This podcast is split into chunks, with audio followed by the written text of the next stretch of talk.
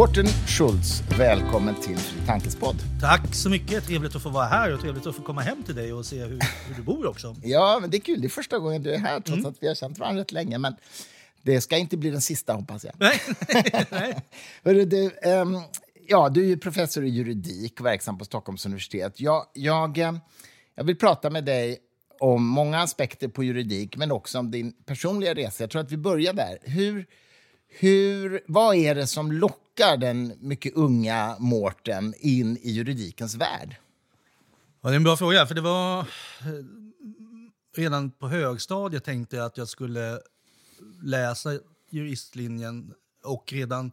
Jag kommer ihåg, det här kommer låta tillrättalagt och helt töntigt, men redan när jag gick i åttan vet jag att jag någon gång uttryckte en tanke om att jag skulle hålla på med rättsvetenskap, vilket ju inte är vad normala 14-åringar ser framför sig. Men, eh, men jag hade någon slags romantisk bild av Oxford-professorer som sitter med skinninbundna volymer i ett bibliotek med gröna lampor och sådär. Okay. Uh, hade du sett Brightside Revisited? Nej, jag, hade, jag hade inte det, men någonting måste ha påverkat mig. Men sen så, min pappa är jurist uh, och Eh, så jag, eh, han var åklagare, så att jag hade också lite, lite koll på vad det faktiskt innebar. liksom, själva juridiken som disciplin. Så ni pratade om det hemma? Liksom? Ja, jag mm. gick tidigt med på rättegångar och sånt där. Jag tyckte det var spännande. Så, eh, så jag har alltid liksom, känt en dragning till det. Och sen så är det väl också tror jag att um, när jag gick på gymnasiet, jag har ett starkt intresse för all, allmänna samhällsfrågor. Och skulle, hur ska man kanalisera det? Ja, det var väl i princip statsvetenskap, journalistik eller juristlinjen. Då. För, mm. Även om inte alla kanske känner till det så är det ett bra ställe om man eh, gillar samhällsfrågor. Att, att, eller det är en bra utbildning att ha. Man kan göra väldigt mycket. Och journalist det tyckte jag verkar för osäkert och för dåligt betalt. Så då blev det till slut det här. Men eh, din pappa är åklagare alltså? Mm. Eller nu är han ju pensionär. Då, men... Ja, just det. Okej, okay, men han mm. var det i mm. sitt mm. yrkesliv. Um, och du gick med på rättegång? Alltså, du var liksom med pappa på jobbet helt enkelt? Ja. Ofta? Ja, studiebesök typ var det väl. Liksom. Det var inte så mycket att jag följde med för att han jobbade och jag behövde någonstans att gå till för att jag inte ville vara ensam hemma. Nej, utan nej. det var när det var spännande grejer. Han, han, han hade ju ett mål. Eh, det var precis när jag började avsluta mina juridikstudier som eh, kallas för Aftonbladet-målet. Och det var ju verkligen spännande. Men det, det var ju lite senare, det var inte när jag var liten. Nej, okay. men, men har du något minne av någon av de första rättegångarna du var på? Minns du någonting starkt liksom, från den tiden? Ja, men jag minns tidiga mål mot... Eh, han hade bland annat i uppdrag att åtala poliser och det som när de begick brott. Och det är mm. lite extra känsligt. Och också lite, ex, det är lite det blir liksom ofta lite märklig dynamik rent så här, i rättegångssalen. Då, för att de, mm. Så jag, jag, vet att jag var med på eh, förhandlingar mot, mot några poliser. Jag, jag minns särskilt ett mål, med, men det, är lite, det var obehagliga grejer. Det var sexualbrott om jag minns rätt. Mm. Kan, det kan vara så att jag minns fel faktiskt, för det är mm. så jäkla många år sedan. Ja, okay. men, men, men, det, men det minns jag, det var, det, var, det var spännande. Men du var barn då alltså? Mm. Var, var det inte otäckt, alltså skrämmande för ett barn? Nej, det, det var ju en, det, det, en sak som jag väldigt tidigt insåg att det är brottmålsprocesser är väldigt sällan otäcka. Nu tror jag i och för sig att, att det kan vara annorlunda nu, de här stora gängprocesserna som ja. pågår nu. Att det kan vara att det är en hårdare stämning mellan försvarsadvokaterna och åklagarna och, och, och domstolarna också ibland. Men eh, det var ju väldigt eh, liksom eh, det kändes väldigt tryggt och, och, och ganska sävligt. Mm. Um, jag förstår. Men du, du säger Aftonbladet-målen, som, då var du vuxen, eller då var du så att säga student? Då började jag bli klar med precis uh, mina... Vad var det för mål? Det var ett mål där eh, tre stycken kända personer, Alexander Pascalido, Micke Alonso som var ihop med Alexander Pascalido vid den tiden och eh, dåvarande polis, polisens dåvarande presstalesman. Mm. Kastel tror jag han hette, om jag minns mm. rätt. Eh, de eh, hotades av en farlig nazistgruppering enligt Aftonbladet som satte det på löpet och skrev ut namnet på de kända personerna. Det är därför jag nämner dem i namn. Eh, mm. Och de är, ju, de är ju offer i hela den här historien. Men sen så visar det sig att den farliga nazistgrupperingen var inte en så farlig nazistgruppering utan det var en historia som hade kokats ihop av eh, några ungdomar tillsammans med reportern på Aftonbladet. Det här kommer jag ihåg. Ja, ja det, det var väldigt omtalat. Ja, just. Eh, och under processen så eh, eh, åklagaren, eller pappa då, hade ju även åtalat journalisten för medverkan. Så journalisten hade ju eh, liksom deltagit i planeringen av de här, när, när de här bilderna skulle stageas. Eh, så han åtalades för medhjälp till olaga hot. Eh, och eh, då drev Aftonbladet en kampanj mot hela rättssystemet. Eh, liksom, ni kan inte skrämma oss till tystnad var bland annat en rubrik som jag minns. Vilket ju så här, efterhand var sällsynt osmakligt eftersom Aftonbladet då var med på allting. Även om jag, jag tror i och för sig inte att redaktörerna visste om det här. Men, Mm. men de är ändå ansvar för sin reporter. Ja, ja, visst. Så det, det var ett av eh, ett, ett tidigt spännande mål. Vann din pappa det målet? Eh, nej. Nej. Eller ja, det beror lite på. Han, han förlorade målet eh, på grund av tryckfrihetsförordningens regler. Och Aftonbladet eh, föranledde inskränkningar i yttrandefriheten. Så det här rättades till, eller vad man ska säga. Så genom Aftonbladets agerande så blev, blev yttrandefriheten lite mer insnävad, för grundlagarna gjordes om. Okej, så du menar som en konsekvens av det här målet? Direkt som en konsekvens av det här målet. Men det är ju häftigt. Då har man ju haft en verklig påverkan. Ja, men eh, det är också en eh, ironi i att Sveriges största tidning eh, fick till en försämring av yttrandefriheten och kanske en ironi att inte fler redaktörer har fått bära hundhuvudet för det här. Eh, sen så skrevs det eh, en artikel som heter Aftonbladets förlorade heder av Dan Josefsson som tror jag vann Stora journalistpriset där han menade att det är chefredaktören som borde ha haft det yttersta ansvaret för det här. Intressant. K- Kan, kan du, alltså, jag tycker det här är spännande. Kan, kan, du, kan du förklara på ett begripligt sätt hur yttrandefriheten inskränktes som en konsekvens av det här? Ja, det här, det, yttrandefriheten är ju speciellt reglerad i Sverige och jag, jag tror Vad sa du, den är speciell? den är speciellt, alltså det, är, det är- det är en, en annorlunda juridisk konstruktion. Det, jag vet inte om vi har lite tid. Vi kanske, Jo, det har vi. Vi har Ja, mycket tid. ja, men då kanske en liten utvikning då, för de Mm. som inte är jurister. Då, att Sverige har ju Sver världens äldsta eh, grundlagsskydd, eller särskilda grundlagsskydd för eh, yttrandefriheten. En, eller speciell, en speciell aspekt av yttrandefriheten, nämligen tryckfriheten. Så vi har en tryckfrihetsförordning som är mer än 250 år gammal som ger ett väldigt starkt skydd för medier. Eh, eh, tryckfrihetsförordningen ger ett starkt skydd för tryckta medier men den kompletteras av, en, eh, av yttrandefrihetsgrundlagen som i princip för över samma gamla regler till nyare medieformer. Så eh, tv, radio och, och vissa, men inte de flesta, internetpubliceringar. Och tillsammans ger de här regelverken, vågar jag påstå, världens starkaste skydd för yttrandefriheten. Eh, och, men det är bara för de som faller under det här. Så när du och jag skriver saker på threads till varandra, då, då vi, har vi inte det här skyddet. Medan när jag skriver mina kolumner i Svenska Dagbladet så har jag det där skyddet. Okej. För, för att Threads eller Twitter och de här inte är vadå, registrerade? De kan inte registrera sig, för regelverket tillåter inte det. Eh, man, eh, utan det här speciella grundlagsskyddet gäller för traditionella medier och internetpubliceringar som antingen är knutna till traditionella medier, som svd.se lägger ut min text innan den lägger, läggs ut i papperstidningen. Då omfattas det av... S Av samma Ja, regler? det spiller liksom över då, Ja, tryckfrihetens förstår. regler. Men en nättidning som Kvartal till exempel, som är ändå en seriös liksom, journalistisk... Är de inte omfattade? De är nog omfattade, men de är omfattade för att de har sökt ett utgivningsbevis eh, och liksom frivilligt inordnat sig i systemet. Men sociala medier kan inte ansöka om utgivningsbevis för det finns olika eh, liksom förutsättningar, eller krav som man måste kunna uppfylla. Eh, och därmed kan inte eh, jag till exempel ansöka om utgivningsbevis för min, mitt Twitterflöde. Det går inte. Det, det är omöjligt. Eh, så, ja, så yttrandefriheten är väldigt stark och den innehåller, tryck, tryck och yttrandefriheten innehåller ett gäng grundbultar brukar, brukar man tala om. Den viktigaste kanske är förbudet mot censur. Staten kan skapa regler som gör att man kan agera på publiceringar i efterhand men man, man kan inte förhands... Det är inte tillåtet att, att kräva förhandsgranskning. Eh, I de tryckta medierna så fin, finns det ofta en ansvarig utgivare. Det gäller framförallt för tidningar. Eh, Medan författare av böcker vanligtvis har ansvaret själv. Jag tror att många tror att det är förlaget. Det här är ju en förlagspodd. Så.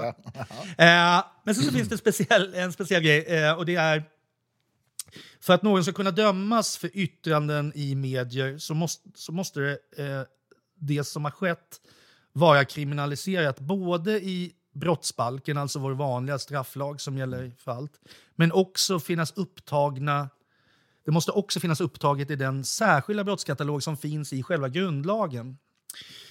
Och där finns det, så, i bo, så till exempel förtal eller hets mot folkgrupp finns i båda regelverken, eller bro, vissa brott mot rikets säkerhet och sånt. Men så, så finns det vissa andra regler som bara finns i den allmänna straffrätten som gäller till exempel på Twitter då, men som inte gäller för Svenska Dagbladet. Uh, ett sånt exempel som är ganska nytt är olaga integritetsintrång som kan vara när man sprider bilder på någon som har sex eller är svårt mm. sjuk. Det, det, kan, det kan jag göra, eller det, min utgivare skulle säga emot, men, men, men jag, kan, jag kan rent juridiskt eh, göra det i Svenska Dagbladet och ingen kan då hållas ansvarig för en, till exempel en bild på någon som är i ett akut sjukdomstillstånd. Eh, men om jag publicerar samma sak på Twitter så kan jag hållas ansvarig. Och vid den här tiden, det här blev en lång utvikning. Nej, men det är intressant. vid den här tiden så fanns olaga hot inte upptaget i tryckfrihetsförordningen. Eh, så, och därmed så föll det, eh, föll det på den grunden eh, och sen så ledde, ledde det till att olaga hot införlivades i det särskilda tryck och yttrandefrihetsrätten. I grundlagen alltså? I grundlagen, så det blev en grundlagsändring. Vilket måste ske då med ett val, två omröstningar med ett val emellan? Ja, det stämmer bra. Ska det vara också kvalificerad majoritet eller räcker det med enkel majoritet och, och val? Det räcker med enkel majoritet och val. Ah, okay. mm. Hoppas jag, för jag ska undervisa i statsrätt så, eh, nu för första gången. Så vi får väl se om jag, om jag, om jag, om jag missminner mig här. I, Ah, ja. det, det, går, det får ni googla upp, ni som lyssnar. Eh, men du, tillbaka till eh, eh, den unge mannen som då är med och eh, lyssnar på pappa här som åklagare. Tyckte du det här var spännande också? Alltså jag menar spännande i samma mening som det är spännande att läsa en bra deckare. Nej, det, det, tyckte jag nog inte. Nej. Egentligen inte någon gång, för det är inte spännande på det sättet. I vart fall var det inte det på den tiden, utan det var mer intressant än... än mm. Det fanns liksom väldigt lite eh, actionvärde i... Huvudförhandlingar vid tingsrätter i Sverige innehåller vanligtvis inte någon större liksom, tjong. Nej, så, nej, men, okay. eh, så det var mer, mer, mer tror jag, eh, liksom, intresse i liksom, hur staten hanterar den typen av eh, konfliktlösning och ansvarsutkrävande. Mm. Ja, I de här målen är inte så mycket, i brottmålen är det kanske inte så mycket konfliktlösning utan där är det väl just ansvarsutkrävande mm. som är det centrala. Men okej, okay, så då, då gick du en, eh, en juristutbildning i alla fall på Sto Stockholms universitet? Jajamän. Och eh, vad hände sen? Sen, ja, jag började juristlinjen i början på 90-talet eh, och började ganska snabbt eh, läsa dubbelt för jag var intresserad av andra saker också. Så jag, vi pratade om det bara häromdagen med min dotter som nu pluggar på universitetet, att jag började med litteraturstudier. Det klarade jag inte av, för det var så fruktansvärt mycket att läsa om man samtidigt skulle läsa min huvudutbildning, för det var ändå juristlinjen då. Mm. Men sen så började jag läsa filosofi efter något år. Mm. Så jag pluggade två, linjer, eller två utbildningar parallellt och tog en kandidatexamen i filosofi och var på maj, och fick, Teoretisk filosofi? Teoretisk filosofi. Läste praktisk också i och för sig, grundkursen bara där. Men, mm. men te, jag läste vetenskapsteori eh, primärt, men det var inom ramen för den teoretiska filosofin. Då. Mm. Så tog jag dubbla examina eh, och jobbade i slutet extra på fakulteten, juridiska fakulteten.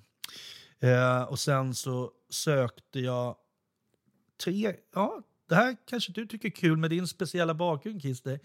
eh, det var ju IT-eran i mitten på 90-talet, ja. började hetta till. Och Christer var ju en av de stora, eh, de stora hjältarna. Jag tyckte det var väldigt spännande, det, här, det digitala. Jag var väldigt tidig med, med både online gaming på den tiden, det har jag aldrig hållit på med sen, men det spelade vi när jag var anställd vid fakulteten för vi hade så bra lina på den ah, tiden.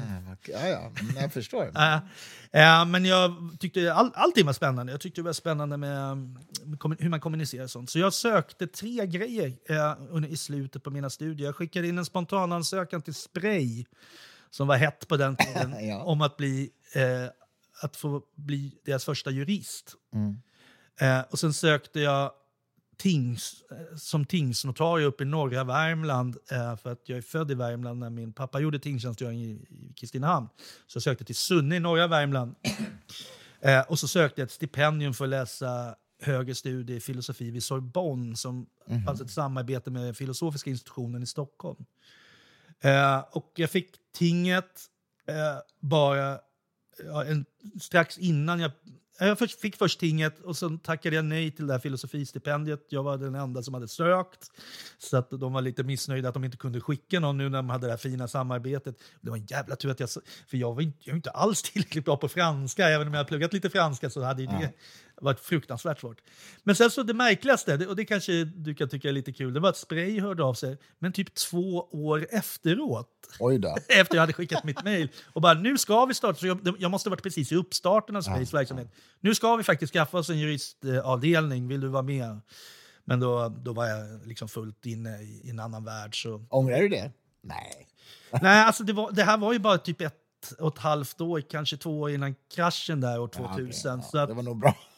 Men, det, men, jag, men det första året innan kraschen, då, då tänkte jag så här, ja, det, det hade ju varit kul att vara med på den här resan. Det var ju... Du Det var vet- du- roliga år. Mm. Ja, du vet ju det här mycket mer än jag, för jag var ju liksom aldrig, jag var ju bara lite hangaround. Men jag rekommenderade en av mina bästa kompisar till det jobbet istället och han fick det, så då kunde jag ju liksom snylta lite på hans upplevelser av eh, de här kontoren som såg ut som ett Star Trek-skepp och, Ja, och, Och jobba åkte- 20 timmar per dygn och man Ja. sov på saccosäckar. Exakt, och åkte skateboard. Ja, hela den där grejen. Var det likadant hos, dig på Säl? Nej, alltså vi, vi ville ju Ni var de framstå seriösa. Som, vi ville framstå som det seriösa alternativet. Ja. Vår idé var ju, på Cell Network var ju att vi sysslar med e-handel. Vi utvecklar plattformar för e-handel. Ja. Så vi hade ju massa såna, du vet, McKinsey-konsulter typ som vi Ja, ja. rekryterade. Och vi var ju precis motsatsen till Ja, ni, ni, var, ni var Wall Street när de andra var Tony Hawk. Exakt, Ja. precis. Så vi var tråkigare, tråkigare sorten, men vi hade rätt kul ändå. Ja, det, ja, men det måste ha varit eh, sjukt kul. Ehm, så, ja. Men, eh, men du låter ju som att du ändå var väldigt tidig med liksom IT och internet och sådär. Ja, det var jag nog. liv, liksom. Jag har liksom aldrig kunnat programmera eller så, men, men, den, eh, men den teknologi som jag ku- kunde... Liksom, som man, när det började utvecklas teknologi som man kunde använda själv som normalbegåvad liksom, datoranvändare, då, då, då var jag rätt tidigt på. Jag, Mm. Då var jag early adopter för sociala medier och sånt där. Ja, ja, ja precis. Bloggade tidigt också. Så, Ja, ja, ja. så att, eh, jag har tyckt det, varit, det, har, det har alltid varit ett, eh, ett intresse. Så, Mm. internetrevolutionen. Jag tycker det är så fascinerande. Jag, menar, jag har ju en 14-årig son nu som ju använder datorer. Han är inte superdatanörd, men han använder ändå mycket. Och liksom bara om jag jämför med hur det var när jag var 14 år. Jag höll nämligen på med datorer då också, men det går inte att jämföra överhuvudtaget på samma planet. Liksom, vad, man, vad vi hade då och vad man har nu. Det är rätt fascinerande. Ja, det är en otrolig resa på kort tid ändå, eller liksom, om man ser hur mänsklighetens historia... Min, min son frågade mig, det är för sig ett par, tre år sedan när han var mycket mindre, men då frågade han så här, pappa, när du var liten, kunde man se varandra med video på mobiltelefonen då? Ja. Och jag bara, det fanns inga mobiltelefoner. Nej. Och det kan, liksom, kan han knappt tro på. Nej. Nej, men ja, precis. Och de första mobiltelefonerna som var stora jävla lådor och så här. Ja. Mm. Ja, det, är en, det är en resa. Men vad hände sen då? Du, eh, du, det blev inget Sorbonne och det blev inget spray. Nej, blev gjorde ting, tinget. Eh, men så hörde en av mina professorer som jag hade jobbat för tidigare när jag jobbade på fakulteten av sig undra om jag ville ingå eh, som medarbetare i ett europeiskt forskningsprojekt som så här, i retrospektiv inser jag låter otroligt naivt. Men det var en jättegrej kring år 2000. Eh, det hette eh, Study Group on a European Civil Code och det var ett projekt eh, som hade mycket pengar och som utgick från, navet var i Tyskland, i Niedersachsen, men med filialer runt om i Europa och eh, jättemånga experter knutna till sig, bland annat ett gäng justitieråd och professorer från Sverige, inklusive han som mejlade mig. Och syftet bakom projektet, alla de här hundra, det var nog över hundra som hjälpte till här, det var att utveckla en gemensam komplett civilrätt för EU. Mhm, Wow. Så en fullständig gemensam kodifiering av allt. Det, det är ganska långt ifrån Brexit om man säger så. Ja. För det här det ligger, det, det vet man kanske inte heller om om man inte håller på med juridik då, men det ligger otroligt mycket kulturella värden i civilrätten. Alltså det finns väldigt mycket som utmärker nationella och andra kulturer, religiösa kulturer, i, uttryckta i civilrättens regler. Det, det är bara att se hur man familjerätten har sett på homosexualitet, det är liksom skillnader mellan olika länder, eller hur man ser på ofödda barn. Mm. Det, är ju, det är ju väldigt olika beroende på hur influerade rättsordningar är av, av, av religiösa uppfattningar till exempel. Så det var ju ett gigantiskt och eh, eh, så här i efterhand smått megalomaniskt projekt. Men det var väldigt roligt att vara med. Ja, så då bodde jag i Tyskland i eh, ett drygt år och sen så kom jag tillbaka som, och blev doktorand vid fakulteten. Och vad var vad, vad din doktorsförhandling om? Vad handlade den om? Ja, den började jag låtsades som, för jag, jag hade sökt några gånger. Jag hade sökt när jag satt ting och jag sökte innan jag blev antagen till tingtjänstgöringen också. Så jag hade fått nej några gånger. Mm. Det, det, är väldigt svårt, det är ännu mycket svårare nu än vad det var då också. Men det var svårt redan då för det är många som vill forska och det finns inte så många platser. Eh, jag, sökt, då, jag hade sökt på väldigt teoretiska projekt som delvis syfte, jag tänkte att jag skulle använda min filosofibakgrund i samma, liksom, tillsammans med mm. juridiken. Men de hade inte vunnit eh, något eh, gillande hos eh, forskningsutskottet. Så då fick jag med hjälp av min tyska professor, som är en legendarisk professor, en av världshistoriens kanske mest kända rättsvetare. Så skrev jag på engelska ett projekt om ansvaret för styrelseledamöter i aktiebolag och sen blev jag antagen till doktorandutbildningen och så skrev jag precis om det jag från början hade tänkt att jag skulle skriva om. Så jag skrev en doktorsavhandling som inte nämnde styrelseledamöter med ett ord, men som hette kausalitet och som bygger på Hume.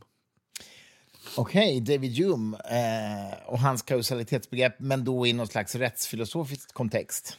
Ja, eller kanske snarare rättslig kontext. Så det är inte så mycket, för rättsfilosofi är ju liksom sitt eget fack. Utan det här var, det här var en, en civilrättslig undersökning eh, med vissa utstickare till andra discipliner. Eh, med eh, någon slags rötter i David Hume, John Stuart Mill och eh, de, jag vet att du har filosofiintresserade lyssnare. Det, mm. Den profil som jag intog ligger ganska nära John Mackies mm. så kallade inusvillkor. Mackie är ju också religionsfilosof, mm. om det är samma Mackie i alla fall. John Mackie, ja, ja jag, jag, jag, är väldigt lite insatt i mm. just det religionsfilosof. Ja, men det, det kan men inte det, finnas flera. Nej, Mackie, det måste nog vara... Och han, får, och han, får ni googla också. Ni precis, och han, eh, han skrev ju förutom att han skrev i kausalitetsfrågor och närmast metafysiska frågor så skrev han ju också om i moralfilosofi. Så det, ja. det förvånar mig inte att han även höll på med det, Men det roliga är att han, han är ju då en ateistisk religionsfilosof. Ja, just det. Ja, men det, det, det som mina barn skulle sagt, det make sense. Ja, mm. ja men precis. Det är tur att det finns såna också, tycker jag. Då. inte, bara, inte bara präster som blir religionsfilosofer. Nej. Ja, balans, balans. Ja, nej men okej. Och, och vad, vad, vad, din, vad var det du liksom utforskade i doktorsavhandlingen? Nej, men det är en väldigt lång och ur, ur rättsvetenskaplig synvinkel ganska teoretisk modell, ett modellbygge. Och um, mitt eh, originalitetsvärde är nog egentligen inte så stort, men det handlar om att jag eh, försöker skapa en modell för hur man ska göra orsaksbedömningar som är någonting vi gör både i straff och skadeståndsrätt. Eh, mm. all, nästan alltid. Eh, när vi spelar in det här så har det precis kommit ett nytt prejudikat från HD i ett mordfall så, angående det straffrättsliga orsaksbegreppet. Just det, det var på radion eh, ja. igår typ. Ja, precis. Mm, det kan vi prata om lite, ja. men, men, berätta först om avhandlingen. Eh, så jag utvecklar en modell eh, utifrån ledande uppfattningar i den angloamerikanska världen så försöker jag hitta ett sätt att eh, det, det, är inte så att jag bara anpassar den till svenska förhållanden, men det, jag är i hög grad inspirerad av en idéströmning som eh, har vuxit fram i angloamerikansk eh, rättsvetenskap och som också i angloamerikansk juridik eh, delvis har fått visst genomslag även i prak praktisk juridik, då, inte, mm. bara i, inte bara i akademin. Eh, så en särskild modell för hur man ska göra bedömningen om du har eh, utsatt mig för ett gift eh, och, och någon annan har utsatt mig för ett gift. Det är alltid de här jävla giftexemplen. Alltså, så hur ska man, vem, vem har orsakat skadan eller vilka. Och sen efter att man har gjort den här orsaksbedömningen, det är mm. egentligen efter det som hela juridikens maskineri går igång med men, hur man ska se på ansvar och hur man ska se på de ekonomiska effekterna av ett ansvar, om det är i skadeståndsrätten eller de straffmässiga effekterna om man ser straffrätten. Så det, det var vad jag gjorde. Så det är en ganska teoret, teoretiskt modellbygge kan man säga, som, som fick visst genomslag. Intressant. Alltså, det låter ju som att du har gift ihop dina filosofistudier och filosofiintresse med din juridik, dina juridikstudier och försökt hitta liksom det som finns i gränslandet där. Ja, det, det har jag. Men, men så är det också så att mycket av den eh, eh rättsvetenskapliga teori som jag intresserar mig för från andra länder, och, och det, den, är, den, den, den skrivs delvis av filosofer. Mm. Uh, så att det, och nu, nu, jag, jag skrev en avhandling som var filosofiskt intresserad, eller man ska säga, men sen lämnade jag ändå lite det och har ägnat mig mest åt liksom mer traditionell mm. rättsdogmatik. Men jag har återvänt lite till um, den här hybridverksamheten. Där både, fast nu mer, mer, åt, mer att jag intresserar mig för moralfilosofiska och rättviseteoretiska angreppssätt. Så det, det är mer, för att tala liksom svensk universitetspolicy så är det mer åt det praktiskt filosofiska hållet. Då. Mm. Eh, det, är en, ny, en, en stark våg eh, som kallas för ny privaträttsteori som försöker eh, hitta förklaringar av eh, framförallt av civilrätten i någon slags rålsk eller nozisk eh, tradition, så här, rätt, rättvisefrågor. Ja, just det, just det. Och det har, det har ju i svenska tidigare inte varit, liksom, det har inte förekommit egentligen sedan Uppsala skolans tid, den typen av... Eh, typ. Och Uppsala skolan kanske du ska berätta vad det är? Så Uppsala... Hägerström. Hägerström är ju den mest kända. Han hade en parhäst som är helt bortglömd, en metafysiker som heter Fahlén, mm. Adolf Fahlén. Har inte ni gett ut en bok om Fahlén? Jag såg att det kom en bok om Fahlén. Nej. Nej, det är inte, inte ni. Nej, inte vi. Du vill inte kännas vid den? Nej, jag vill inte kännas vid det. eh, men Hägerström var ju professor i filosofi i Uppsala. När man läser mm. juridik, eh, förlåt, när man läser filosofi vid Stockholms universitet, då, då, då, finns det någonting som bland filosofer, som ju kan vara ett ganska torrt släkte ibland, brukar passeras för ett skämt.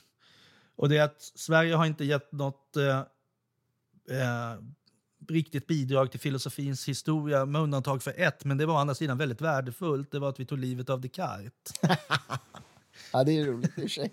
uh, för det finns, det finns ju lite sanning bakom det att drottning Kristina uh, mm. köpte upp Descartes från Frankrike, men tving, han har ju dålig hälsa och tvingade mm. honom vara uppe tidigt på morgonen och skriva Och sova verser. i ett svinkallt rum ja. Precis. ja, så, uh, men, men bland jurister så får man höra att det finns en, en svensk världsfilosof och det är Axel Hägerström. Mm.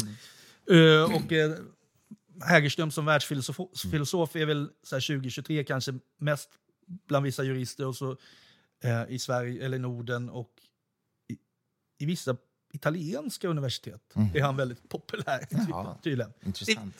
De har väl som rättsfilosof, Hägerström har säkert större spridning än så även idag. Men jag, men jag, jag har slagits av de här italienska något närmast arkaiskt över att de fortsätter att framhärda med Hägerström. Mm.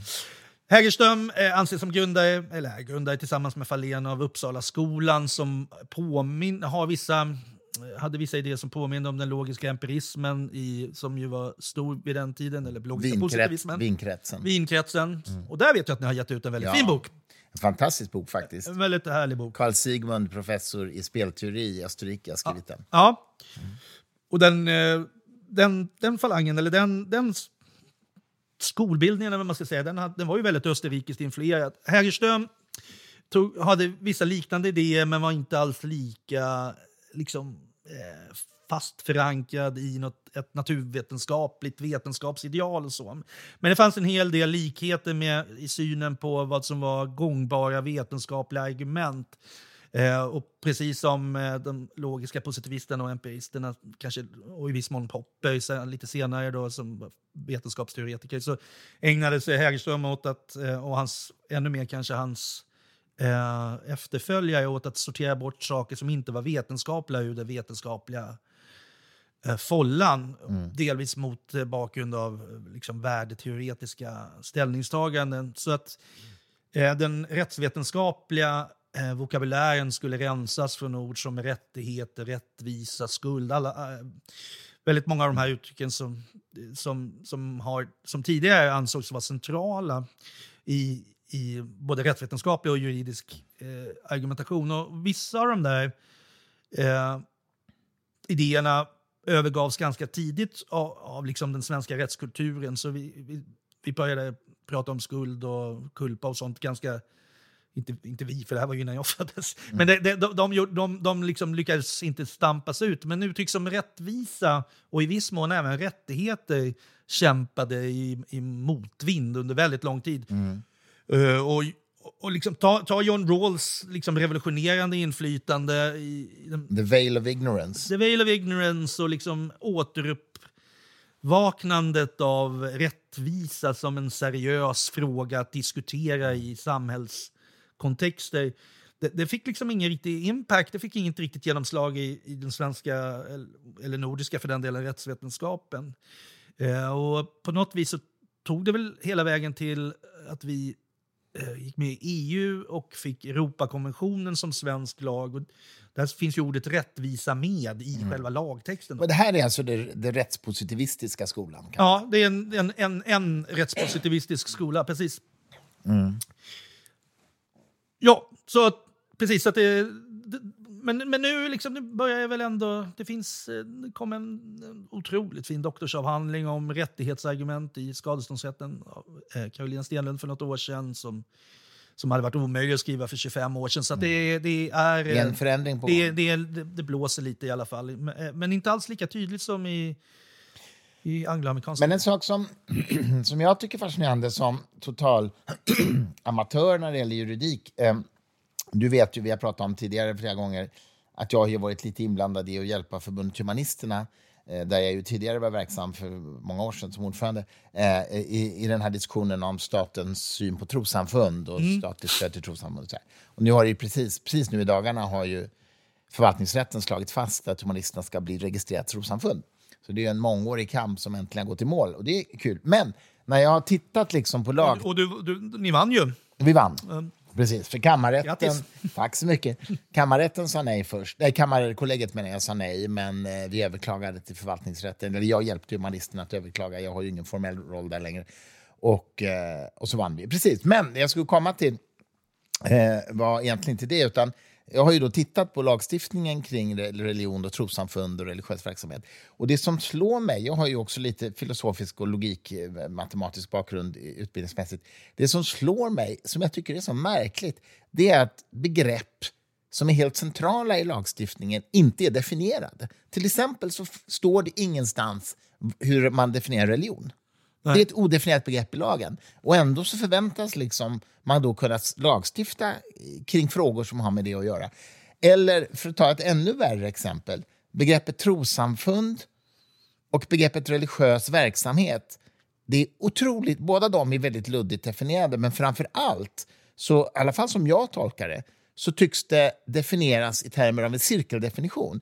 Ungefär så här, nu kan jag inte det här utan till exakt ordagrant, men ungefär så här att ett trossamfund definieras som ett samfund, alltså en organisation som bedriver religiös verksamhet. Och religiös verksamhet definieras som sån verksamhet som bedrivs av ett trossamfund. Och alla som har läst liksom en grundkurs i logik vet ju att en cirkeldefinition är ju ingen definition alls. Eller har jag fel, professorn? ja, men jag, jag, är inte, jag, är inte full, jag är inte uppsjungen i just det, det, det mer specifika exemplet. Nej, men principiellt. Men, men principiellt är det så eh, att det, är inte alls ovanligt att centrala begrepp inte är definierade i lag. Om man tittar på civilrätten först eh, så är det särskilt den som civilrätt jag håller på med. Jag är inne i en intensiv undervisningsperiod precis just nu så jag pratar om det här hela dagarna med mina, mm. mina duktiga studenter. Och så är det eh, ta skadeståndsrätten som är civilrättens ansvarssystem. Då brukar jag säga när jag undervisar att allting som är roligt är oskriven rätt. Liksom, mm. Allt det spännande är utanför lagen. Mm. Så kausalitet är ett helt centralt begrepp till exempel eftersom vi tog upp just det innan. Eh, men det, det, nämns inte med ett ord i lagen. Mm. Eh, ordet orsakssamband eller kausalitet eller någonting som finns mm. inte med i lagen. Eh, så att Ja, eller jo. Men det är, inte, det, det, är inte bestämt i lagen. Man vet inte var, eh, och så är det. Om man går till den offentliga rätten och till den typen av juridik som vi är inne på nu, då, som, egentligen, som delvis handlar om religionsfrihet, mm. men också om mer praktiska saker i, i, liksom, i förlängningen av de fri och rättighetsorienterade frågorna. Då. Eh, där finns det ju ändå ett, ett mått av bestämning, men inte, men inte explicit uttryckt i lag. Alltså det finns ju grund, I regeringsformen finns det grundläggande preciseringar av, av, av opinionsfriheterna till exempel. Det har ju varit väldigt mycket diskussion om det nu med anledning av koranbränningarna, den mycket vida synen på vad som är ett yttrande i svensk Ja, tradition och sånt där.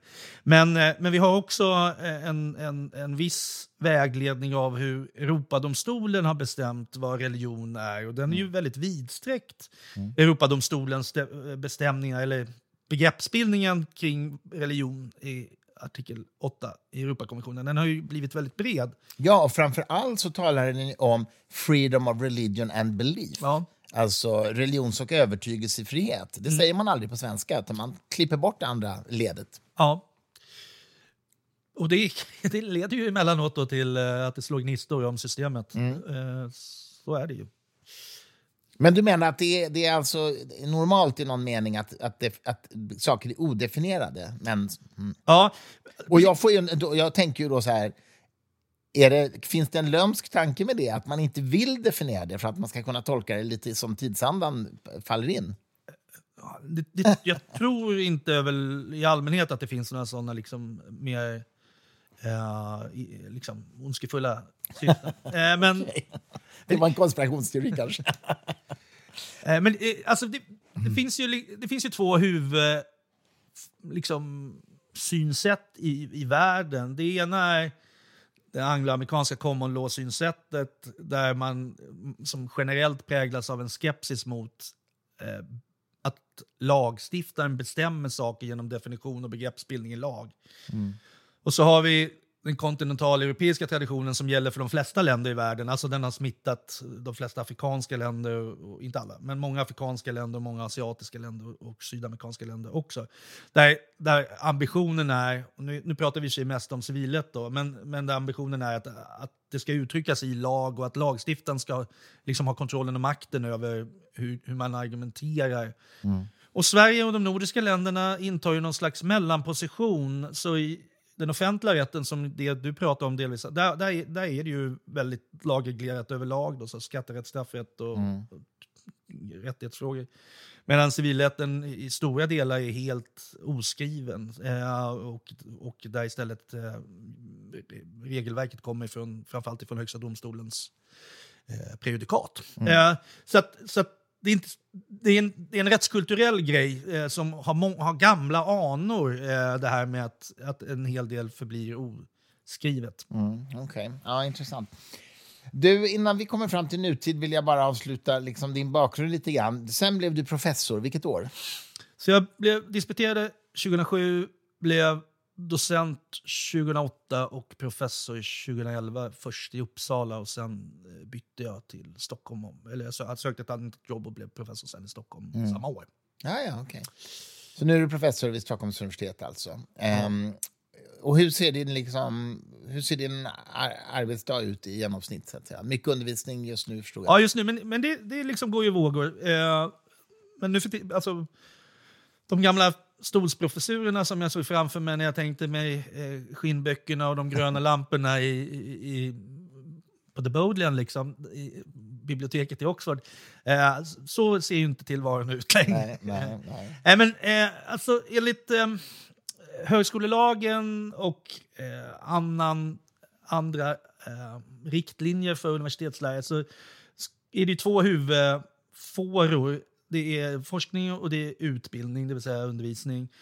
Och så kompletteras de av ett önskemål om att utbildningen och forskningen ska utföras i samklang med det omgivande samhället. Det som tidigare brukade kallas för den tredje uppgiften. Ja, just det.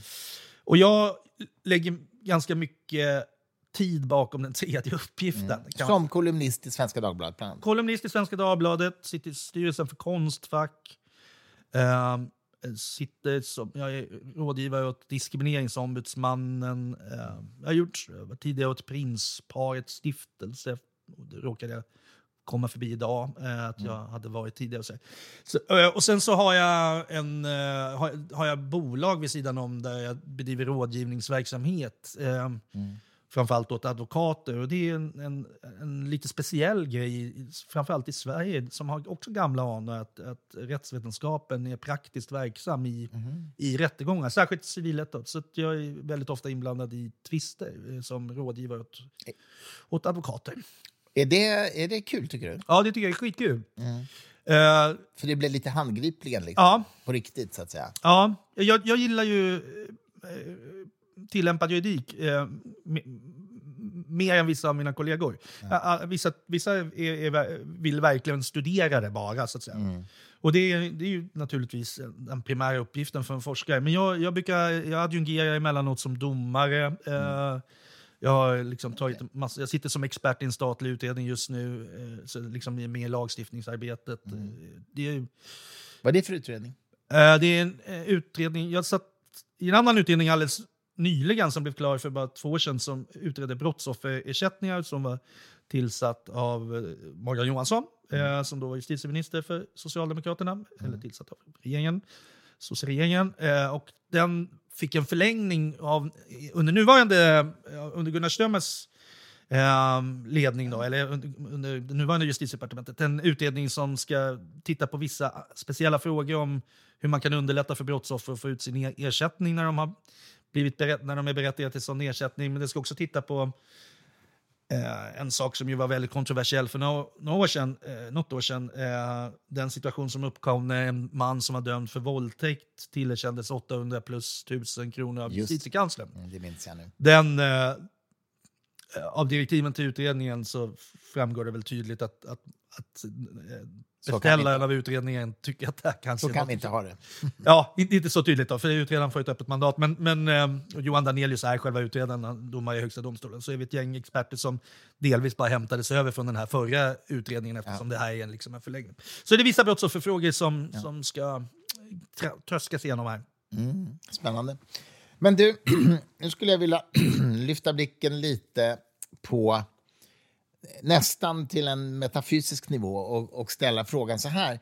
Vad i det föränderliga samhället eh, eh, tycker du kräver att man tänker nytt så att säga, i, i, inom juridiken. Jag menar, vi har ju en väldigt förändrad värld. Vi har en digitalisering, vi har en globalisering. Vi, ja, det, du får själv välja vad du tänker på. Men vilka liksom, juridiska strukturer börjar bli ut, outdated så att säga, och behöver fräschas upp?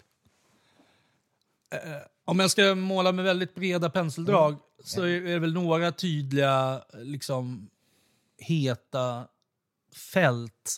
Eh, ett är att många länder går i en auktoritär riktning, eh, alltså, vilket innebär slitningar och utmaningar och kräver nytänkande kring skyddet för fri och rättigheter. Det, det, det är bara att nämna liksom koranbränningar, integritetsfrågor i samband med att eh, politiker vill ha nya verktyg för de rättsvårdande myndigheterna när det gäller nätverkskriminalitet. Vi har eh, liksom... Kanske att göra dom- domstolarna ännu mer oberoende av regeringen, eller? Ja, det, det skulle man ju önska. men, men ja. Så vi har väl de fri och rättighetsfrågorna som utmanas av auktoritära strömningar. Vi har klimatfrågan där, där liksom olika rättsliga verktyg liksom, ställ, liksom utmanas. Det, det blir tjatigt att tala om utmaningar, men, men, men, men så, så Ja, men är det. Mm. Och sen så är det väl... ehm, tanken om ett risksamhälle är ju inte ny, men eh, olika typer av nya risker medför också fundamentala utmaningar. Och då är det kanske bland annat, inte minst, då, eh, risken för krig. Som Nej. ju inte var en juridisk fråga jag trodde att jag skulle behöva tänka på i, Nej, i min livstid. Att vi lever med en, en, en reell risk för att vi kan dras in i krig. Mm. Eh, och det, kom, det, det kräver ju nytänkande på många olika sätt. Så det, det här är väl de fälten då, eh, som, som jag tänker kanske att det är liksom mest fundamentala förskjutningar på gång. Ja, men får jag lägga till prövande då? Ett Absolut, par fält ja. till? Jag hade inte förberett den här frågan, så jag... Nej, jag vet. Eh, det, det var meningen också. Men, men bara jag vill fråga, eh, cybercrime, den världen, digitala brott. Absolut. Digitaliseringen är ju eh, alltjämt en, eh, en, eh, en, en, någonting som utmanar. Där finns det ju, de, de, de, de, frågorna är jag ju liksom, de jobbar jag ju med på liksom ett väldigt handfast sätt ganska mycket. Jag har en, driver tillsammans med en advokat som heter Engla Pendel, en förening som heter eh, Institutet för juridik och internet som har jobbat liksom för... Vi började med att vi fokuserade på det, det som då kallas för näthat, men man kan väl säga att vi är någon slags expertorganisation kring fri och rättighetsskydd. Mm. Avvägning mellan till exempel integritetsskydd och yttrandefrihet i digitala miljöer och sånt. Mm. Skriver böcker och vi har varit remiss... Där, men inom ramen för vad vi håller på med, där har det ju skett en förskjutning, en förskjutning som delvis har rört sig mot eh, förändringar där jag inte längre har lika mycket kompetens. Men Engla har det dessbättre. då. Så, så från att det, har, varit- att det varit väldigt mycket fokus på straffrättens skydd, eh, hur man kan, liksom, vad man kan göra mot den som delar en sexbild på någon, eller film är det väl ofta, eller den som hotar någon, eller den som eh, förtalar någon. Från att de, för de, de frågorna har väl liksom på något vis kommit dragits, eh, de är liksom färdighanterade för nu när det gäller lagstiftningen. Men vad vi istället ser är ju ett ökat internationellt och framförallt europeiskt tryck på de stora plattformarna genom stora europeiska regelverk. Du menar alltså Twitter och X med, menar jag, och Facebook och de Ja? Meta och eh, det. TikTok. Eh, genom två väldigt stora regelverk som närmast har eh, en slags konsumenträttslig bakgrund. Så det är, inte, det är liksom inte hårt straffet. Det- Digital Services Act är väl den som är mest känd. Ja. Eh, som innebär att eh, st- straffrättsliga och delvis konstitutionella frågor kommer delvis att hamna i någon slags EU-rättsligt konsumentskyddspaket. Eh, delvis. Och sen har vi, och det är ju den kanske största liksom, pyrande vulkanen här, det är ju AI-frågan Ja, och regleringen av på det, ja. artificiell intelligens på, på, och där är det väl återigen så är det väl framförallt på europeisk nivå som, som det rör sig snabbast. Tittar du på det? Vad sa du? Tittar du på det? Liksom? Ja, då, dåligt än så länge ska jag erkänna. Mm. Men det är fort, det är fort, just AI-regleringen är fortfarande en bi- en bit bort. Men DSA, eh, alltså Digital Services Act, eh, håller jag faktiskt på med vissa delfrågor av just nu. Jag, jag har, det, här, det, här kan man inte, det här får man ju inte säga som liksom, yrkesverksam jurist 2023, men jag, jag har all, alltid känt en viss aversion emot EU-rätt. Eh, eh, jag, tycker, jag tycker, jag tycker liksom själva formerna för hur, rätts, hur rätten uttrycks ofta är liksom tråkig. Mm. Ja, det här kommer, om jag har kollegor som hör det här så kommer de säga vad fan vilken stofil. Det är bara en realitet. Det, det är som att säga att man inte är så intresserad av lag. Liksom. Men, men, eh, men eh, Ah, okej. Däremot så är jag, väldigt eh, intresserad av Europadomstolen och så, alltså MR, MR-systemet, men inte i EU-rätten. Men, ja, nej, men, det, nej, men superintressant. Det här är ju några väl, väldigt övergripande perspektiv som vi nu har talat om. Och om man tar, om man tar det här med framväxande auktoritära regimer. Eh, kan, kan du pinpointa några så att säga, rättsliga mm, justeringar som i alla fall du tycker att man måste titta på för att hantera den förändringen? Jag, jag tror ju, alltså om man ser, om man, vi ser vissa rättsordningar, alltså vissa andra länder då, så, så varnas det för, och det, är- det är ju delvis inom EU-systemet, och det brukar, man brukar framförallt prata om uh, Ungern och tidigare Polen, men nu har ju Polen en ny regering, så vi får väl se om, om, om eh, den diskussionen kring Polen kanske kommer, det- kommer väl troligen förändras. Då. Och sen så har vi ju Netanyahus och, och i, den israeliska stora reformförslaget om att centralisera mer makt kring, kring den politiska makten som delvis eh, var en reaktion på Israels högsta domstol som, eh, som länge har varit en nagel i ögat på Netanyahu och Ja. ännu mer på de ännu längre högerut. Och, där, och det, det reformförslag, eller det reformpaketet, bara som en upplysning, för det kan det nog vara lyssnare som är intresserade av, den, det, det verkar ju vara helt skjutet i sank, för det, det blev i princip bara, det blev en, bara en liten del av det som ledde till, till en lagstiftnings till lagstiftning och eh, under, och det, det underkändes av Israels högsta domstol då, som ja. är nu bara för några veckor sedan när vi spelade in det här. Men om man ser till i Sverige så eh, är jag nog ganska pessimistiskt, pessimistisk, för här är de auktoritära strömningarna inte...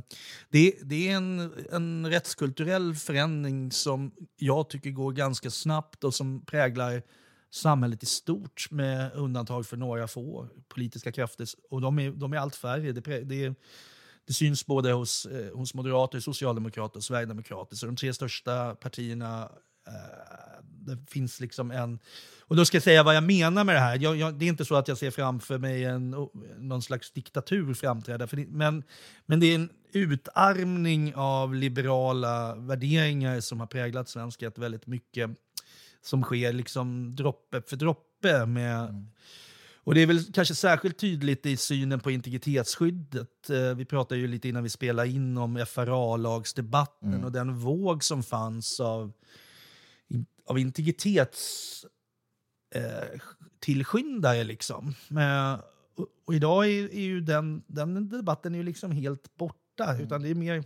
Det, det, finns några advokater och så, men den är, den är på liksom stora politiska planet så Ökad kameraövervakning, ökad möjlighet att bugga, ökad möjlighet att muddra folk även om det inte finns någon konkret brottsmisstanke. Och allt det här liksom passerar ju mer eller mindre utan några större... Men tror du inte att, tror du inte att väldigt många vanliga människor tänker bara så här enkelt att ja, det där är i någon mening integritetskränkande men vi kanske, vi kanske får betala det priset för att komma till rätta med den här extrema brottsligheten. Ja. Alltså att man säger att jag, jag är beredd att bli lite integritetskränkt för ett högre syfte. Ja, nej men jag är helt övertygad om att väldigt många tänker så. Mm. Eh, och att väldigt det, är många... ganska, det är ju rationellt på ett sätt. Ja, det, alltså, alltså vi har ju ingen... Alltså, bilden av kriminaliteten är ju delvis...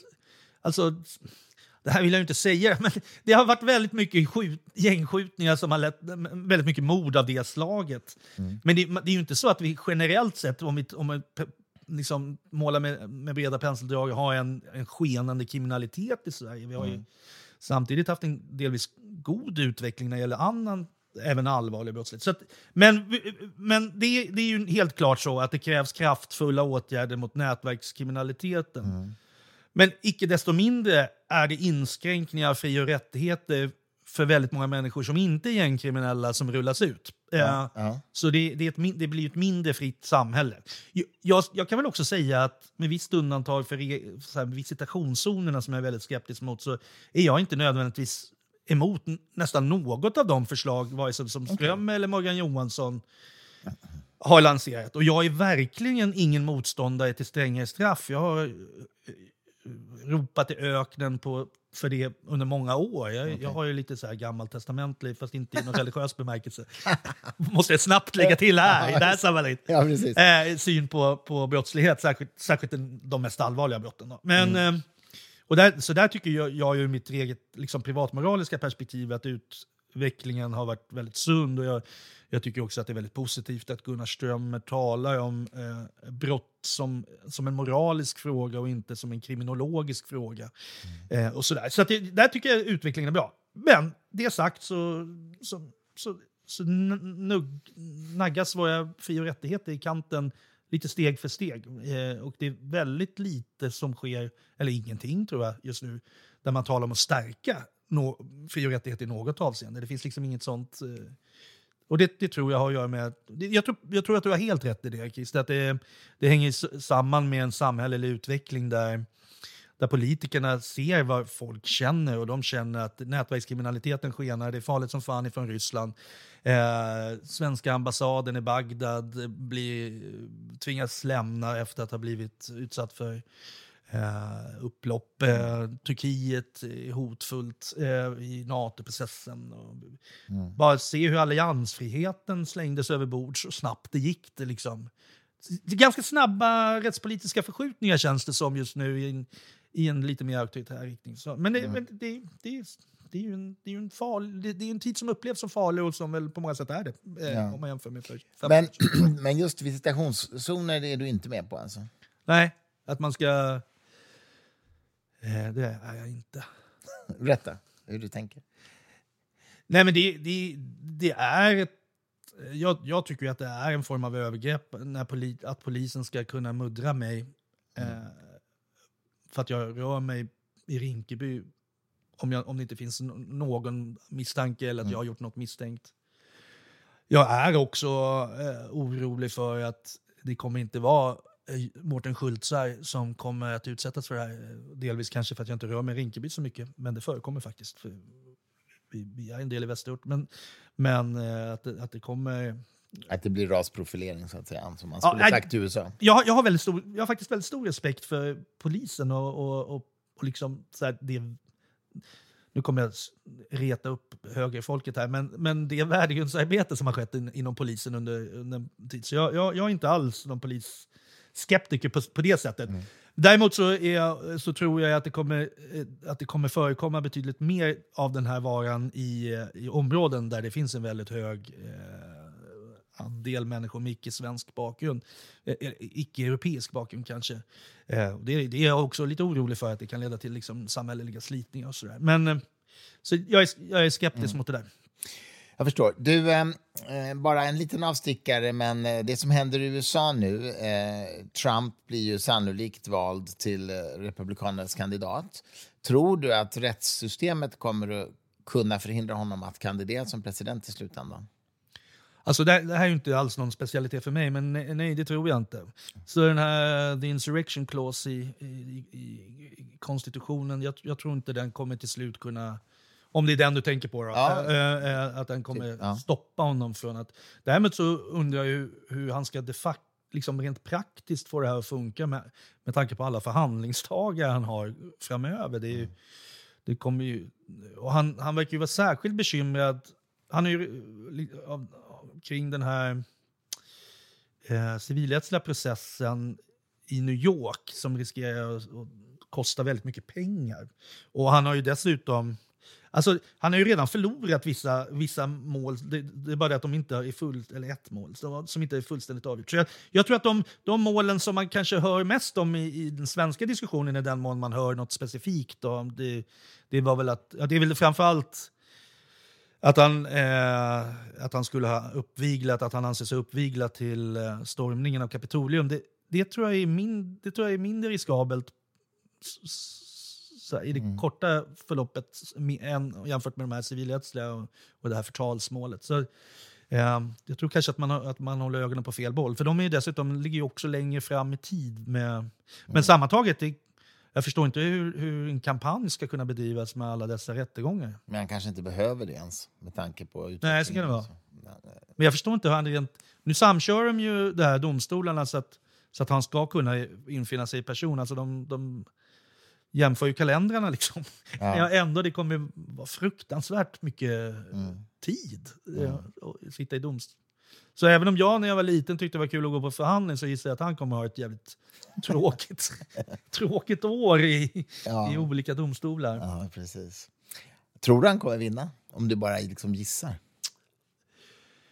Uh, ja, det, det här är ju verkligen långt utanför min comfort zone, men uh, det tror jag nog ändå inte. Men eh, mm. Med all sen så är ju båda väldigt gamla, så det finns ju liksom hälsomässiga aspekter som mm. kan påverka saker. Ja. Trump är ju också gammal. Eh, och mm. så. Men eh, även om Biden har väldigt låga siffror just nu och så, så tro, tänker jag väl ändå att eh, Trump är så pass polariserande att, att fler ändå väljer en kandidat som inte är just han. Men, eh, men vem vet? Nej. Men du, tillbaka till Sverige då. Um, Eh, du talade också om, när vi talade om de här verkligen övergripande penseldragen, breda penseldragen, att krigshotet kan kräva en del juridiska omprövningar. Kan du detaljera det lite mer? Ja, men, vi har ett speciellt kapitel i regeringsformen som är vår liksom, viktigaste grundlag. Vi pratar ju lite om tryck och yttrandefrihetsgrundlagarna, eller yttrandefrihetsgrundlagarna brukar man kalla dem. Eh, och I regeringsformen finns ett speciellt kapitel om krig. Eh, och det, det håller delvis på att ses över redan nu, eh, men inte så mycket med, med anledning av Ukraina-kriget utan av andra skäl så tittar man på vissa aspekter. Där. Det är möjligt att det kan behöva ses över. Jag, jag, har, jag har ingen, ingen konkret fråga, men, mm. men det, det, är ju ändå, det, det, är ändå så att En grej också som man kan säga redan nu så här, så här allmänt då, det är ju att vi inte vi är inte så främmande för att, att ändra i grundlagarna som många andra länder. Utan det sker ju lite hela tiden. Så här, mm. justeringar både av regeringsformen och yttrandefrihetsgrundlagarna. Den fjärde grundlagen eh, ändras aldrig. Den har bara ändrats en gång. Eh, i, i, Vilken har ändrats en gång? Successionsordningen då, som vi aldrig brukar prata om. Eh, Men den ändrades ju i samband med... Att, eh, att Victoria... Just det, fick, vi fick kvinnlig tronföljd. Ja. ja. precis. Just det. Mm. Det, det, den senaste. Mm. Den är för övrigt lite intressant kanske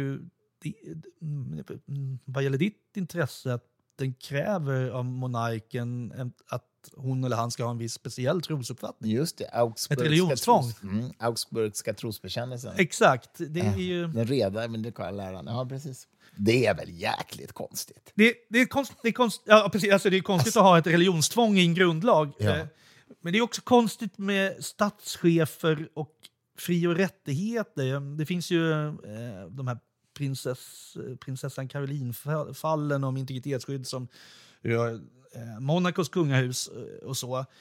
Men det, är, det, och det finns andra eh, liksom, grejer tidigare när, när, när kung, kungligheter har liksom fått skydd av fri och rättighetsskyddet.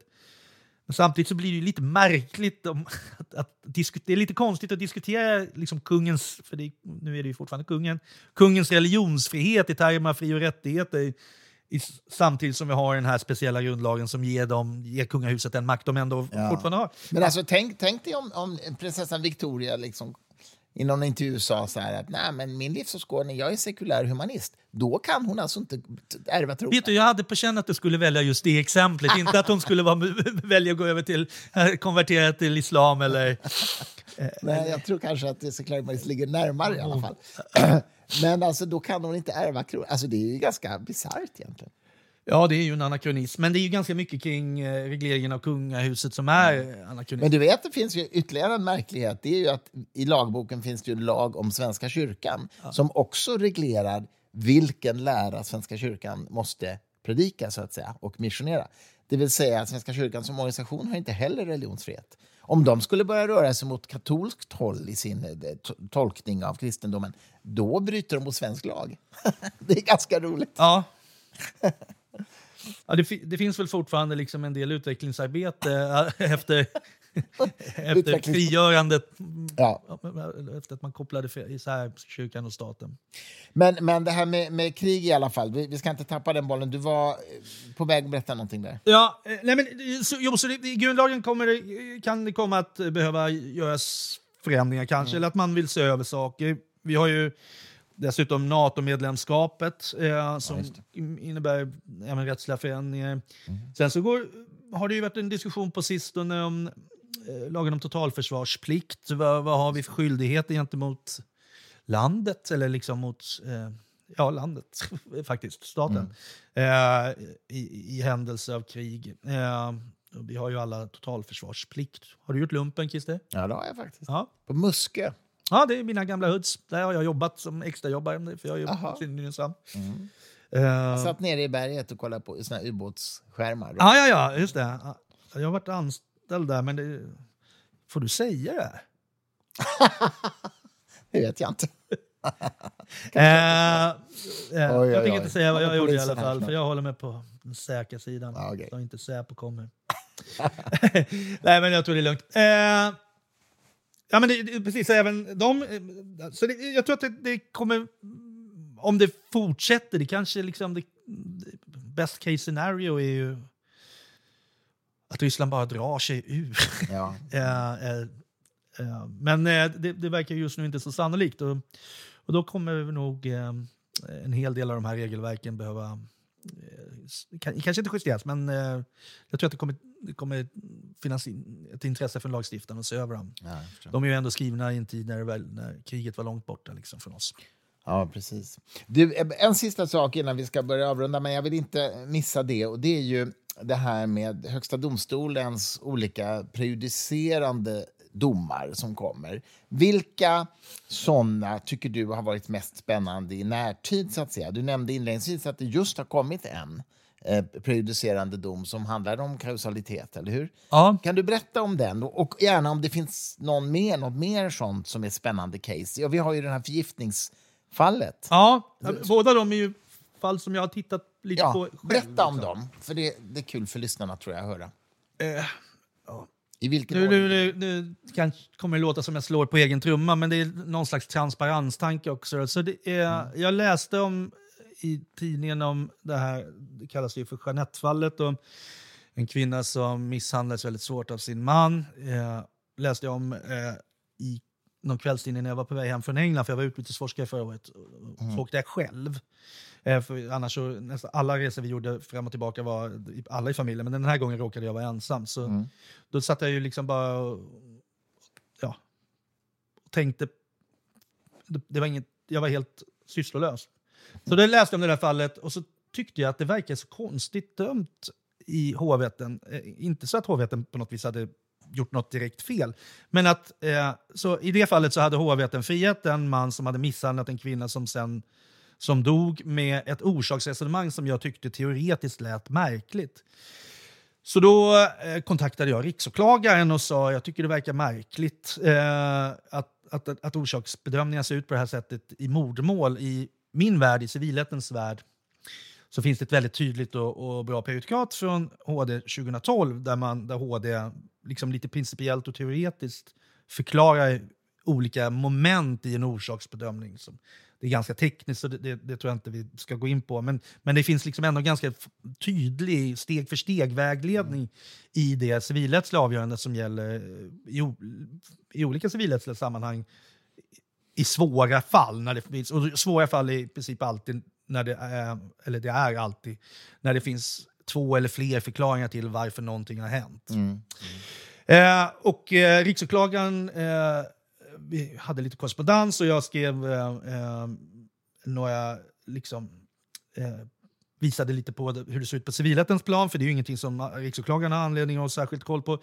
Eh, och så ansökte i, i, i sist, sjätte timmen, de, som jag förstår det, riksåklagaren om prövningstillstånd i Högsta domstolen och så fick de prövningstillstånd, eller fick hon prövningstillstånd. Eh, och sen så blev det en väldigt fin och oerhört kondenserad eh, eh morddom från Högsta domstolen där den här mannen med ett, ett bra men ganska praktiskt, om man jämför med det civilrättsliga fallet eh, från 2012, resonemang kring orsaksfrågor som, eh, som, som jag tyckte var väldigt bra. Det, dels så förklarar de lite hur man ska se på kausaliteten i sig, men HD gjorde också en slags markering att makten över bedömningen av orsakssamband ligger alltid hos, en dom, hos domstolen.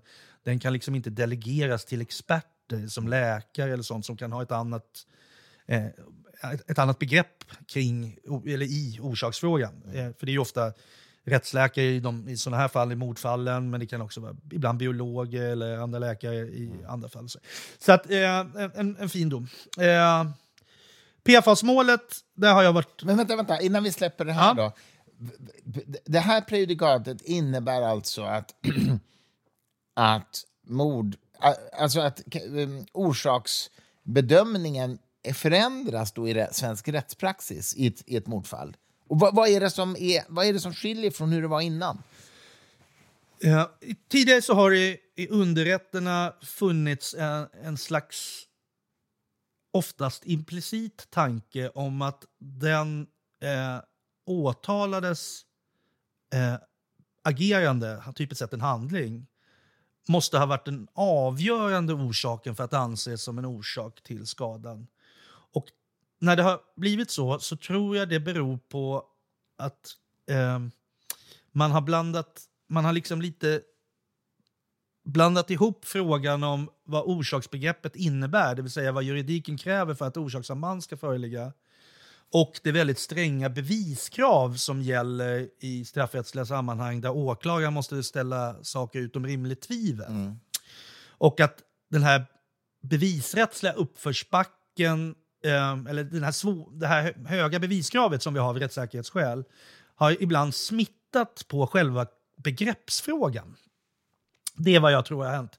Vilket har inneburit att det har förekommit domskäl där underrätter har resonerat på ett, som jag menar, har tyckt känts teoretiskt helt osammanhängande sätt eh, i, i vissa orsaksfrågor. Och vad HD gör, tydliggör är skillnaden mellan bestämningen av orsaksbegreppet. Det räcker med att ha varit en bidragande orsak, det behöver inte ha varit den viktiga or orsaken. Och det kan ses som någon slags eh, det kan ses som ett, eh, ett lite öppnare orsaksbegrepp som, eh, än vad vissa av underrättarna tidigare använt sig av.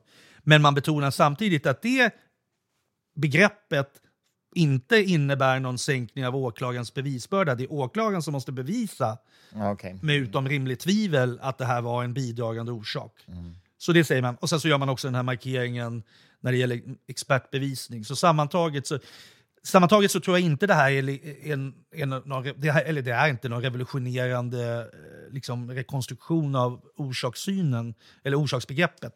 Men det är ett förtydligande som jag tror kan förhoppningsvis minska eh, risken för att underrätterna hamnar snett. Ja, jag förstår. Okej, okay. förtydligande. Så, ja. så, lite, lite försiktigare. Eh, mm. Okej, okay. och det andra eh, predikatet, vi ska avsluta med det tänker jag, men det är ändå kul att, du berättar om det. Det är ju det här förgiftningsfallet. Berätta. Ja, så det rör ett ämne som heter PFAS. Det här är ett skadeståndsmål. Och PFAS är ett ämne som används i i olika sammanhang. Det används när man gör teflon, det används i lite olika typer av, av, av, verksamhet. Det används också, eller har använts kanske, i, som en ingrediens när man har tillverkat brandskum. Mm -hmm. Så att här skumsläckare som man använder när man släcker bränder. Och eh, Det här ämnet PFAS är farligt. Det ökar risken. Det, tillförs man PFAS jag kommer snart säga hur man kan tillföras PFAS, men om människor får i sig PFAS så ökar det risken för olika sjukdomar, cancersjukdomar, och mm. sköldkörtelsjukdomar och, och annat. Uh, I det här fallet som det handlar om så var det ett gäng människor som hade uh, i Kallinge, Blekinge, utanför Ronneby, som hade fått i sig väldigt höga mängder PFAS mm. genom att eh, de hade druckit vatten som innehöll PFAS. Och PFAS-ämnet hade hamnat i vattnet på grund av att Försvarsmakten hade en flyganläggning där de övade på att släcka bränder i flygplan med de här skumsläckarna. Mm. Och sen eh, kom liksom skummet att sjunka ner i, i, ner i vattnet som sen eh, genom det kommunala vattenbolaget distribuerade, distribuerades ut till människor där. Och många av de här, det, processen rör mer än 100 personer, de har bildat en förening för ändamålet och väldigt många av dem har blivit sjuka och några har dessutom gått bort eller avlidit eh, mm. under den här processen. Eh, och frågan i målet var... Jag kanske ska säga någonting mer om PFAS också innan jag säger vad frågan i målet var. De här PFAS-processerna, skadeståndsprocesserna på grund av um, på grund av att människor har fått i sig det här ämnet PFAS beräknas bli värld, världshistoriens kanske största processkarusell, eh, om man ser till pengar. Mm. Så om man ser på eh, någon slags internationell jämförelse, det, alla, känner ju, alla vet ju, eller har bilden av att i USA finns det jättemycket mm. jättestora skadeståndsmål. Och det stämmer delvis, men kan väl bara skjuta in som en konsumentupplysning att, det, att de här jättestora skadeståndsmålen kommer inte från Delaware, utan det här är väldigt olika beroende på vilken delstat man befinner sig mm. Det är väldigt lite nationell, alltså federal juridik det här. Men överlag. Mm. Eh, de här målen, PFAS-målen förväntas omsätta hundratals miljarder, så de stora amerikanska skadeståndsadvokatbyråerna har staffat upp med PFAS-teams nu bestående av advokater och eh, naturvetare. Som ska... men, det, men det är rättsprocesser i USA? Alltså. Ja, och, de, och de, men eh, de har liksom inte riktigt kommit igång. Mm. Så att, eh, det är fortfarande i sin linda. Så svenska högsta domstolen är den första högsta domstolen i världen, mig veteligen, som dömer ett av de här målen. Och det här är någonting som, det är så mycket pengar så det här, det här är delvis föremål för liksom ekonomiska placeringar, att man investerar i tvister och sånt som, wow. som är en, en, någonting som har börjat förekomma. Hur som helst, i det här målet så var det eh, då som jag sa ett antal människor som har fått i sig det här ämnet från, genom att ämnet hade kommit ifrån Försvarsmaktens övningar nere i vattnet och det kommunala vattenbolaget som inte verkar ha gjort något fel utan de har ett ansvar för att leverera eh, friskt vatten Eh, man har ansvar för det även om man inte har varit oaktsam eller så. Det krävs inte, det, vilket ju annars är default i svensk mm. civilrätt, att det krävs att man har, gjort, att man har förfarit oaktsamt. Ja, det. Mm. Men det har, det har, de inte gjort. Men de har strikt, det, det är något som kallas för strikt ansvar för det här. Eh, för det har redan varit uppe i Högsta domstolen en gång tidigare nämligen. Så det här är andra PFAS, andra vändan av PFAS-målet som prövades av HD strax innan jul 2023. Och där fann Högsta domstolen, eh, till skillnad från hovrätten, att höga halter av det här ämnet i kroppen var i sig att anse som en personskada. Så de, de var att anse som offer redan innan man vet om det blir någon cancer eller något. Okay. Och det är det som HD har sagt nu? Det har HD sagt, ja. Och vem är det som ska betala skadestånd? Det är det kommunala vattenbolaget. Men det så det har redan varit uppe i högsta Varför inte Försvarsmakten? Eh, de var inte part i målet. Mm. Så de har inte stämts. Och anledningen till det är eh, att det kommunala vattenbolaget har ett strikt ansvar, ett rent strikt ansvar. Det hade inte Försvarsmakten. Mm. Så det hade krävts att man visade att Försvarsmakten hade gjort något fel. Och det, här, eh, det verkar inte finnas någonting att klandra i det här fallet. Liksom, utan alla, ingen, nu är för övrigt vattenkvaliteten, så vitt jag förstår, från det här vattenverket väldigt bra. Eh, så det, det, det, har gått att åtgärda. Eh, mm. Eh, men nu blir det ju ytterligare, det, finns, det är ju inte klart då, för det enda det HD har sagt är att det är en personskada att ha det här PFAS-ämnet i höga halter i, i kroppen. Mm. Men hur tusan ska man värdera det? Det är ju fortfarande... Innan man har blivit sjuk? Så att... Ja, innan mm. man har blivit sjuk. Mm. Och det problematiska gissar jag är att, att eh, det kanske är 70 chans att man får cancer, men inte 100 chans. Och hur ska man då liksom vikta? Ja, mm. och ännu mer Ännu svårare blir det om det är under 50 procent. Mm. För då är det mer sannolikt att man inte blir sjuk än att man blir det. Ja, det.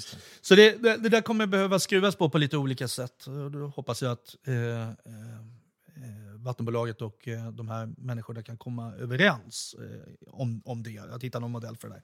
Men eh, annars kan det ju bli ytterligare processer. Då.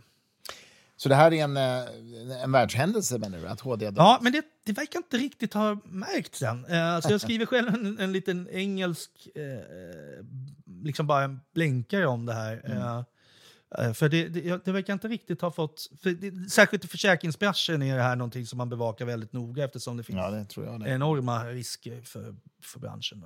Mm. Superspännande. Sveriges Erin Brockovich-fall liksom, är det här. Ja, ja precis. Ja. Ja. ja. den filmen minns man ju. Mm. Du, eh, ja, det här var många juridiska turer höll jag på att säga i den här podden, men det var otroligt intressant. Vi ska... Herregud så mycket juridik det blev. Ja, det blev det verkligen. men eh, vi har pratat nästan en, ja, ja, jag vet inte exakt, en och en halv timme eller en oh, timme kvar. Mm. Ja, någonting sånt. Men du, sista frågan bara. Vad ser du framför dig då? Vad har du framför dig i år? Det är 2024 precis. Ska du göra något spännande? Ja, men jag hoppas ju på att bli klar med några böcker. Eh, åtminstone en till två. Och sen så har jag några eh, uppsatser som är på gång. Det är sånt som jag, det är liksom det allra roligaste. Så, så har jag det här utredningsuppdraget. Mm. Som, för, för regeringen alltså? Ja, ja, precis. Det, liksom, det, det, kommer ske. Sen så ingår jag i ett forskningsprojekt i Oxford så jag ska dit, som blev resultatet av min... Så då kan du sitta vid gröna lampor i fåtöljer lite grann? Mm. Äntligen! alltså, eh, jag skäms att säga det, men jag var utbytesforskare i Oxford ett helt år förra året. Men jag var, jag var i princip aldrig i Bodleian, inne i det biblioteket. Nej. För det, juristbiblioteket är en mycket tråkigare byggnad från ja, okay. mitten av 1900-talet. Men det är en fantastisk stad alltså. Ja. Var du nere i den här bokhandeln som ligger ja, där? absolut. Den är ju Alltså, vilken, ja. vilken bokhandel. Ja, Man går det, ner en trappa där. Och, ja. ja, du vet. Ja. Blackwells. Ja, ja, det, det. Mm. Nej, det, är, det är en otroligt stimulerande och lite konstig miljö för, för, för, som, för en som är verksam vid ett svenskt universitet. Eh, men det, men det, men det blir lite Oxford i år alltså? Ja, jag åker dit om en vecka eh, för ett möte i det här projektet då, som vi har tillsammans. Som är folk från hela världen som är inblandade. Mm. Så det ska bli kul. Eh, ja, det är väl det som jag omedelbart ser framför mig. Mm. Ja, men det, det ser väl ut som en kul, ett kul år? Ja, ja jag, jag hoppas det. och du fortsätter skriva i Svenska Dagbladet? Om jag inte får sparken, jag är ny chefredaktör och jag har skrivit lite, mindre, lite mer lågintensivt. Det har varit lite mer lågintensivt nu på sistone på grund av att jag tror att det är lite, att det är lite omstruktureringar bland, i chefsledet som gör att... Mm. Eh, men eh, så, så länge Lisa, som ju är en förträfflig person, inte tycker att det är dags att göra sig av med juristen så, så kör jag på tills de, tills de sparkar mig. Det ser vi läsare fram emot. Um, tack så mycket, Mårten Schultz, för att du var gäst i Fri Tankes podd. Tack för att jag fick komma hit.